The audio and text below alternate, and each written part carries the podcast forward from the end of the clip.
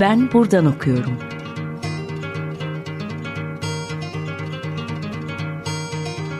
Edebiyat ve başka şeyler.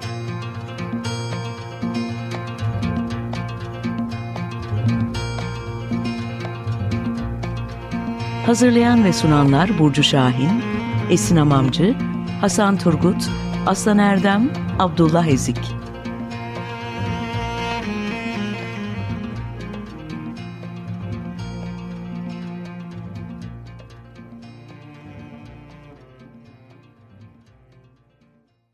Merhaba. 95.0 Açık Radyo'da Ben Buradan Okuyorum başladı. Bugün Alara Çakmakçı ile Zaman Biberyan'ı konuşacağız. Alara hoş geldin. Başlamadan önce çok kısa Alara'dan bahsedeyim. Ee, 1995 yılında İstanbul'da doğdu. Notre Dame de Sion Fransız Lisesi'ni bitirdikten sonra e, lisansını Paris'te Nanterre Üniversitesi'nde Fransız Edebiyatı ve Sanat Tarihi bölümünde tamamladı. Daha sonra İstanbul'a dönerek Bilgi Üniversitesi'nde kültürel incelemeler e, bölümünde yüksek lisans çalışmalarını sürdürdü. Hala bu bölümde Vivaldi'nin üzerine bir tez yazıyor. E, sonuna yaklaştı zannediyorum. Bir yandan da çeşitli dergilerde yazılar yazmaya, kitap çevirisi ve editörlüğü yapmaya devam ediyor. E, Alara bugün Biberyan'a şöyle bir soruyla başlamak istiyorum. Canını okuyan hatıralar, öfke zincirine dönüşen hayatlar başlıklı yazında Biberyan'ın huzursuzluğu hatırlatan yazar olduğunu söylüyorsun. Bu huzursuzluğun kaynağının e, yalnızca hayat gailesi ya da yalnızca gelecek kaygısı olmadığını Biberyan okurları aslında biliyorlar. E, nedir sence huzursuzluğu hatırlatan yazar yapan Biberyan'a? Evet, Biberyan hem huzursuzluğu hatırlatan e, hem de bir yandan huzur kaçıran da e, bir yazar. Romanlarının dramatik çatısını oluşturan, e, okura adeta musallat olan bu huzursuzluğun aslında Biberya'nın hem edebi hem de e, politik projesinin mihenk taşı olduğunu söyleyebiliriz. E, özellikle de Mahkumların Şafağı ismiyle basılan otobiyografisinde bunu görmek mümkün. Yalnızca yaşadığı ülkenin işte tırnak içinde efendileri olan Türklere değil, e, kendilerini toplumun bir parçası olduğu yanılsaması içinde kandırmaya devam eden Ermeni cemaatini de huzursuz etmek ister sanki sürekli. Mesela otobiyografisinde şöyle yazıyor, alıntılıyorum. Tebessüm değildi istediğim. Her ne pahasına olursa olsun o koyu kırmızı yüzlerin ekşimesini, kaşların çatılmasını, dişlerin sıkılmasını istiyordum. Bu çünkü ona insan olmanın haysiyetini hissettirir. E, dolayısıyla bana kalırsa Biberyan'daki huzursuzluk asıl olarak bir görünme diyalektiğinden doğmaktadır. Yani hem görünmek ister karakterler hem de göze batmamak isterler. E, ve yalnızca bir felaketin, tek bir felaketin, işte 1915'in soykırımın travmasını değil, türlü türlü politikalar ve toplumsal uygulamalarla da gitgide büyüyen, yine Biberya'nın deyimiyle onca yıllık itilme, biriktirilmiş, sıkışmış o hınç, tatmin edilemeyen isyanlara dönüşen o aşağılanmaların da derin travmalarını yaşarlar. Bu noktada da o yüzden şu ayrımın gerekli ve faydalı olduğuna inanıyorum. Biberyan huzursuzluğun değil, huzursuz yani huzursuzluğun yazarı değil, huzursuzluğu hatırlatan bir yazardır. Ne demek? Yani bir felaketin tanıklığını yapmak değildir asıl niyeti. O felaketin sürekliliğinin Ermenilerin hem en mahrem alanlarına hem de toplumsal yaşamlarına nasıl sirayet ettiğini muazzam böyle usta işi imgelerle, betimlemelerle, karakterler arasındaki aslında böyle diyalog dahi diyemeyeceğimiz böyle kopuk kopuk bir takım konuşmalarla yapar. Örneğin işte Krikor'un, yalnızlardaki Krikor'un e, içinde yaşadığı ya da daha doğrusu kenarına ilişmeye çalıştığı toplumdan nasıl korktuğunu, e, yaz günü dışarı çıkması gerektiğinde bu kendini üzerindeki gömlekle çıplak hissettiğini söyleyerek gösterir.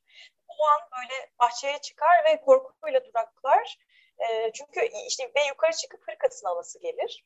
Ama der el alem çıplak gezerken sokaklarda ben nasıl işte bu sıcakta, boğucu sıcakta hırkayla çıkacağım işte Krikor'un giymeye utandığı ama giymemeye de hakkının olmadığı, olmadığını düşündüğü o hırka imgesiyle huzuru kaçırır Biberyan. Ya da meteliksiz aşıklarda Sur'un çocuksu, o içi boş iyimserliği karşısında sevgilisi Norman'ın e, çocukluğundan, Pire'deki çocukluğundan aklında kalan Nazilere dair anılar. İşte e, o yine konuşmalarda Norman'ın zafiyet geçiren bedeninin lafı.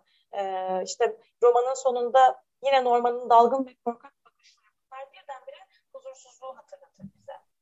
Yani aslında tıpkı karıncaların e, gün batımının sonundaki o meşhur pasajda Baret'i birdenbire dalıp gittiği yerlerden geri çağıran, kelimenin o tüm anlamıyla onu uyandıran büyük harfli felaket sözcüğü gibi küllenmiş diyelim tırnak içinde anıları yeniden canlandıran genel bir Biberyan.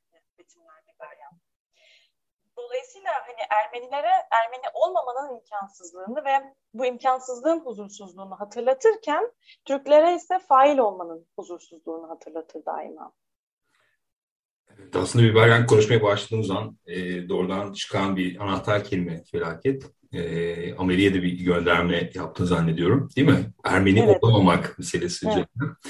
Bu da önemli bir metindir. Ee, okum, isterken tabii okuması çok zor bir yandan da bir metin. Ee, bu felaket beklentisi üzerinden sürdürelim istiyorum. Ee, Biberyan yazının üzerine inşa edildiği bir anlam dizgesi aslında bu felaket beklentisi. Çünkü sürekli bir felaketin beklendiği romanlar bunlar. Söz gelimi Yalnızlar'da anlatıcı Gülgün için şöyle bir şey diyordu. Alıntı yapayım. Herhangi bir felaketi bekle, daima beklediğini, kendini asla öz evinde hissetmediğini fark ediyoruz. Bu aslında öz evinde hissetmemek durumu e, azınlık olmanın anahtar yapılarından birisi zannediyorum. Benzer bir beklenti karıncıların gün batımının sonlarına doğru da gün yüzüne çıkıyor. Herkes endişeli, endişeli ve sabırsızlıkla bir sonraki felaketi bekliyor anlatı içinde. Üç romanda bu izleyin çok belirgin bir şekilde sürdüğünü, tekrar tekrar yeniden kurulduğunu görüyoruz. Bu durum antik işlerinin kenti yaşama, deneyimleme e, yapılarını da, biçimlerini de bozuyor aslında. Korku sanki bir varoluş halini, bir yaşantı halini alıyor gibi. Ne dersin? Evet, kesinlikle öyle. Ee, Biberya'nın yine otobiyografisinde de dediği üzere ve tabii romanlarda da sürekli gördüğümüz üzere Türkiye'deki Ermenilerin iki felaket ve bir sonrakini bekleyerek geçiyor. Hal böyleyken bu bekleyiş e, tüm karakterlerin dediğin gibi kent deneyimini, kenti yaşama deneyimlerini telafisi olmayacak şekilde zedeliyor, bozuyor, yıkıyor. Sara Ahmet kültürel, duyguların kültürel politikasında hmm, korkunun bedensel ve sosyal alanı birbirine hizalayacak şekilde işlediğini söylüyor. Yani bazı bedenlerin çeşitli alanlardaki hareketliliği sınırlanırken öteki bedenlerin yani hakim konumda olanların bedenlerinin kamusal alanda kolaylıkla hareket etmeleri ve e, bu kamusal alanı mesken edinmeleri sağlanıyor. Ahmet'in bahsettiği bu hareket sınırı romanlarda türlü türlü şekillerde tezahür ediyor. Mesela Biberya'nın işte belki de en böyle dışarlak romanı sayabileceğimiz Meteliksiz Aşıklar'da bu hareket kısıtlılığı röntgencilerin varlığı, varlığıyla cisimleniyor. Zaten hatırlayalım roman Sur birdenbire huzursuz oldu cümlesiyle başlıyor. Roman boyu röntgenciler her yerde. Ki bu röntgenciler yalnızca adada sevgilileri değil işte çarşıdaki esnaf, e, işte iskeledeki görevli, karakoldaki polis de aynı zamanda. Ve Sur e, yani ne yapsa ne etse bunlardan bir türlü kaçmayı beceremiyor. Kaçamadığı gibi bu hakim olan karşısındaki pozisyonunu da sürekli sürekli kabul etmeye zorlanıyor. Bu daimi korku hali en nihayetinde karakterleri eve hapsediyor. Karıncaların gün batımının işte serseri amcası Dırta'da düşünelim. Onca deneyimden, işte onca hayat deneyiminden, renkli geçen bir gençlikten sonra kendini keşişler gibi ortadaki o yıkılmakta olan eve kapatıyor. Yine Arus, Baret'in annesi Arus romanın sonunda akli dengesini iyice yitiriyor ve bir felaketi bekler halde korku içinde eve hapsoluyor e, işte yalnızların krikoru evden hiç çıkmıyor. Çıktığında da e, içinden böyle söküp atamadığı çok da haklı bir tedirginlikle yürüyor sokaklarda. E, zaten istenen ve amaçlanan da bu. Yani kamusal alanda rahatlıkla hareket edebilenler Türkler. E, yalnızları düşünürsek yani Erol ve çetesi. O sebeple de bu korkuyu hissetmeyen ya da buna teslim olmayan Aret'i düşünelim yalnızlardaki. Onun e, Ermeni Aret'in yani kolunda Türk bir kızla gönlünde estiği gibi dolaşması sokaklarda kabul edilemez ve cezalandırılması gereken bir eyleme dönüşür. Cezası da zaten hatırlayalım e, işte Çanakkale Zaferi'nin yaşandığı gönderme 18 Mart sokağında kesiliyor. E, ya da Baret'i mesela düşünelim Robert Koptaş'ın çok güzel ifade ettiği gibi şehir bareti böyle gökyüzü yolu Mühürdar'dan alır. En nihayetinde Haliç'in Haliç'in oraya böyle kanalizasyonuna ve o kanalizasyondan da dışarı atmaya doğru sürükler. Yani tüm bu örnekleri düşündüğümüzde bahsettiğim bu bir yaşantı bir varoluş haline alan korku hiçbir karaktere şehri deneyimleme fırsatını e, tabiri caizse işte flanör olma hakkını tanımaz. Zira tüm şehir zaten onları adeta böyle dışarı atmaya programlanmış bir sistem gibi örgütlenmiştir. Evet, evet yani şeyi hatırlıyorum yalnızlardaki bu sokaktan işte dışarıyı izleme, evden dışarıya bakma Hı. serisi çok yoğun bir leitmotiv olarak işliyordu. Hı. Evden dışarıyı görmek, sokağı görmek. Bir de sen de atıf yaptın e, kasap Ali ile karşılaştıkları bir an var gece arası. Akşam da akş, alıcı bir akşam vakti. Bir iç ses bir dış ses. Aslında sanki e, azınlık olmanın o iç sesi bastırmak, varoluş aslında biraz sakatlamak gibi bir e, yanı da böylece ortaya çıkmış oluyor.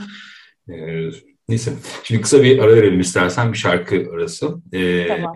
Baret'in bizim için belki ya da Biberya'nın uzun art zamanlı bir seçkisi bize. E, Joseph Schmidt'ten Almancasını okumayacağım. Gençken senindir dünya. Yeniden merhaba.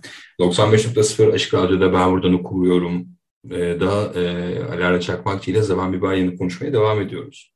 E, kısa bir şarkı arası verdik. Joseph Schmidt'ten Gençken Senindir Dünya şarkısını dinledik. Şimdi e, Alar biraz kenti, kent deneyimini konuştuk. Buradan ufak ufak ev içlerine e, girelim. Biraz daha belki tırnak içinde mayınlı bir arazi ev içleri Biberyan yazınında.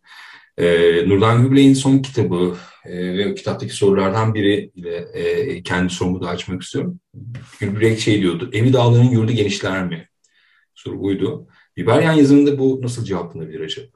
Ev meselesi gerçekten e, de Biberyan'da böyle çetrefil bir mesele. Tüm romanları aslında bir tür evi romanla e, evi arama romanları. Yani ev neresidir? Evden ayrılmak ya da eve dönmek mümkün müdür? Hatta dahası ev diye bir yer mevcut mudur? Tüm bu soruların etrafında döner durur hikayeler. Ee, romandaki hikayelere şimdisinden, yani romanın şimdisinden çok daha önce dağılan, dağıtılan ev, evler söz konusu tabii burada. Kendilerini kusan, işte az önce bahsettiğimiz kendilerini kusan şehir ile evin pek bir farkı yoktur Biberyan'da. İkisi de tekinsizliğin yani hem tanıdık hem yabancı olanın mekanlarıdır. Bu tekinsizlik ve aidiyetsizlik yalnızlarda da çok belirgin e, yani işte o sokak, o toplumsal olan tüm şiddetiyle, mütevacizliğiyle, devleti polisi evet ama az önce dediğimiz gibi esnafı ve komşusuyla da evin içine sızmış durumdadır. İşte kendi bahçesinde rahatça oturamaz Krikor, Ermenice konuşamaz. Kısaca o bahsettiğimiz hırkayı çıkarmaya cesaret edemez üzerinden. Öte yandan evin içi de azap yeridir. E, o kent deneyimini bozan korku ev içinde de anne-oğul ilişkisinin temelinde yatar. İşte Krikor annesini paçavraya çevirene kadar döver mecazi anlamda. Ve annesine baktığında eski bir korkuyu duyar. Ee, Biberyan'ın dediği gibi de her korkanın kendisini korkutan şeye vurduğu gibi körü körüne vurur annesine. Karıncalar da tabii baştan sona bir tekinsizlik kendi deyimiyle nereye gitse kendi mekanına dönme arzusu duyar Baret. Fakat kendi mekanının neresi olduğu da belirsizdir. Bu yani fikri bir yersiz yurtsuzluk gibi başlayan anlatı romanın sonunda fiili bir hale dönüşür. Ki Baret eve dönmeye, eve girmeye çalışmıştır ama en nihayetinde evin tamiri mümkün olmayacak şekilde harap edildiğini görecektir. Hem cismani hem sembolik anlamda yani, yani bu iki hattı hep yan yana götürür. Yani sembolik olanla gerçek olan hattı hep yan yana götürür. Ee, söz gelimi romanın başında evin çöküşünü anlatır. İşte evdeki korkuluk mesela düşmek üzere olan bir diş gibi sallanıyordur. Öte yandan diğer hatta yani sembolik hatta barete yıkımı an be an daha şiddetli yaşattırır. İşte kendisini havada asılı bir balon gibi hissediyordur mesela baret. Birden patlayacak ve böyle paçavra gibi yere düşecektir. Hı hı hı. Ve sonra elbette romanın sonundaki işte Bayet'in ölmüş amcasının evine, namı diğer adadaki eve gittiği sahneyi hatırlayalım. Bu sahne epey ilginç ve önemli. Ee, ev dönmüştür. İşte başka insanlar gelmiştir. Evi yağmalayıp bahçesine başka bir ev gece kondu yapmışlardır. Ev bu sahnede adeta böyle kişilik kazanır, özneleşir ve böyle her şeyi yutan bir canavara dönüşür. Bu harap ev işte tanıklığa çağrıdır Biberyan için. E, yani Baret der ki o evi gördüğünde e, bu ev dünyanın sonuna kadar kalacak burada. Yani insanlar işte bin senede geçse gelip görecekler. Evin kendisini değil belki ama kalıntılarını. Ve diyecekler ki burada bir ev varmış, birileri yaşamış. Ki zaten bu ev ister istemez bizlere 1915 sonrasını işte el konulan, yağmalanan taşınmazları, mülkleri, evleri hatırlatıyor. Baret amcasının ölümünden sonra buraya geldiğinde Biberyan şöyle yazıyor hatırlayalım. Dağa taşa, gökyüzüne, yeryüzüne her yere hakim olan kokuşmuş bir ceset kokusu vardır. Yani bu ceset kokusunun olduğu yerde işgalcilerle arasındaki, yağmacılarla arasındaki diyalog da oldukça manidardır. Bu evin sahibi yok, öldü deyip mesela kestirip atarlar ve eve yerleşirler e, bu yeni sahipleri diyelim. Dolayısıyla Biberyan'da evi felaketten ayrı düşünmek pek mümkün değil. Yani dağılan evlerse yurdu genişletmek şöyle dursun. Özneleri neredeyse böyle felç ettirecek kadar hareketsiz bir alana hapseder. Ve yani sonu gelmeyecek bir sürgündedir aslında karakterler kendi evlerinde. İkide bir o yüzden işte kaçmaktan, evi bırakmaktan bahsederler ama sürgünlerinin biteceği bir yer de yoktur. Çok cılız bir ihtimal olarak bir Ermenistan penceresi açılır karıncalarda. Çok ilginçtir. Biberyan'ın Sovyet Ermenistan'ından da bahsettiği tek andır bu romanlarında kendilerinin olmayan fakat işte onları kabul edebilecek bir ülke ihtimalidir aslında burada lafı geçen. Baret haybeden ve çamur konuşur fakat aralarında ama yani nihayetinde ev olmaya da çok uzak bir ihtimaldir orası da geçiştirilir. Yani dolayısıyla çok e, dallanıp müsait bir konu bu ama e, söylemeden bitirmek istemiyorum. Hani e, Biberyan'da bana kalırsa eve en yakın yer dil e, gibi geliyor. Nafa'da böyle emek emek inatla geliştirdiği Ermenicesi. Ve bu Ermenicesinin yanında bir de eve yakın başka bir yer daha var bence. E, hem romanlarında hem kendi hayatında da müthiş bir e, rolü olan, müthiş bir yere sahip. E, çocukluğundan beri de vazgeçemediğini söylediği deniz. Bu deniz ve dil gerçekten eve yakın yerler gibi. Böyle düşünüldüğünde de yurdunun akıl almayacak boyutlarda genişlediğini söylemek mümkün elbette. Evet, e, şeyden e, karıncalar üzerinden düşününce bir tablo çıkıyor. Şimdi aklıma geldi bir anda. E, bu yalnızlarda da şey sahnesi vardır ya eve bağış toplamaya gelen çocuklar vardır. Orada Krikor Ermenice bir şey söyler. E, eniştesi anında müdahale eder. Aslında dil de çok böyle yaşanmaz bir deneyim olarak e, görülüyor gibi bazen. E, bu da çok zorlu bir deneyim. Peki, e, bir an aklıma geldi. Bunu da katayım istedim. Şimdi şeyde biraz Sur'dan bahsettik aslında. E, oradan alarak devam etmek istiyorum. Metaliksiz aşıklarda Sur, Kancaların Gün Batımında Baret, Yalnızlar'da Krikor aslında bu üçlü yapı neredeyse bir insan ömrünün çeşitli veçelerini ortaya koyuyor gibi. E, ergen bir aşık, ardından e, nafa askerliğinden dönen bir genç adam ve en sonunda azap duygusunu bir gömlek gibi, bir hırka gibi bütün hayatı boyunca sırtında yaşayan bir e, Krikor. Üç farklı roman, üç farklı karakter. Sanki bu üç farklı karakter bir e, üçlemeyi kuruyorlarmış gibi görünüyor. E, sen de yazında aslında bu üç romanın bir üçleme gibi okunabileceğini söylüyorsun. Yapısal bir biçimde, yapısal bir bağlamda. E, evet buradaki üçlemeyi kuran şey sadece e, üç erkeğin anlatılması, işte üç farklı insan döneminin anlatılması ve bunların birbirine bağlanabilir olması değil kent deneyimi de zamanda işte e, bu, bu az önce bahsettiğimiz felaket meselesi de atmosferde süren bir şekilde devam ediyor bu üç romanda. Başka nelerden bahsedebiliriz bu üçlemeyi kuran şeyler olarak düşünürsek?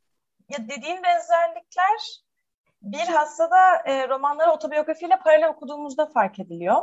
Örneğin Biberya'nın çocukluk ve ilk gençliğindeki hırçın öfkesi surda cisimleniyor.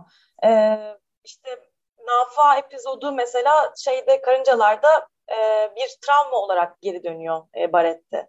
Lafı geçmiyor ama e, yani o surun imser e, ve öfkeli, ümitli, aktif e, hali diyelim. E, Barrett'e gelindiğinde nasıl böyle özneyi yiyip bitiren bir hınca dönüştüğünün izlerini biyografide görüyoruz.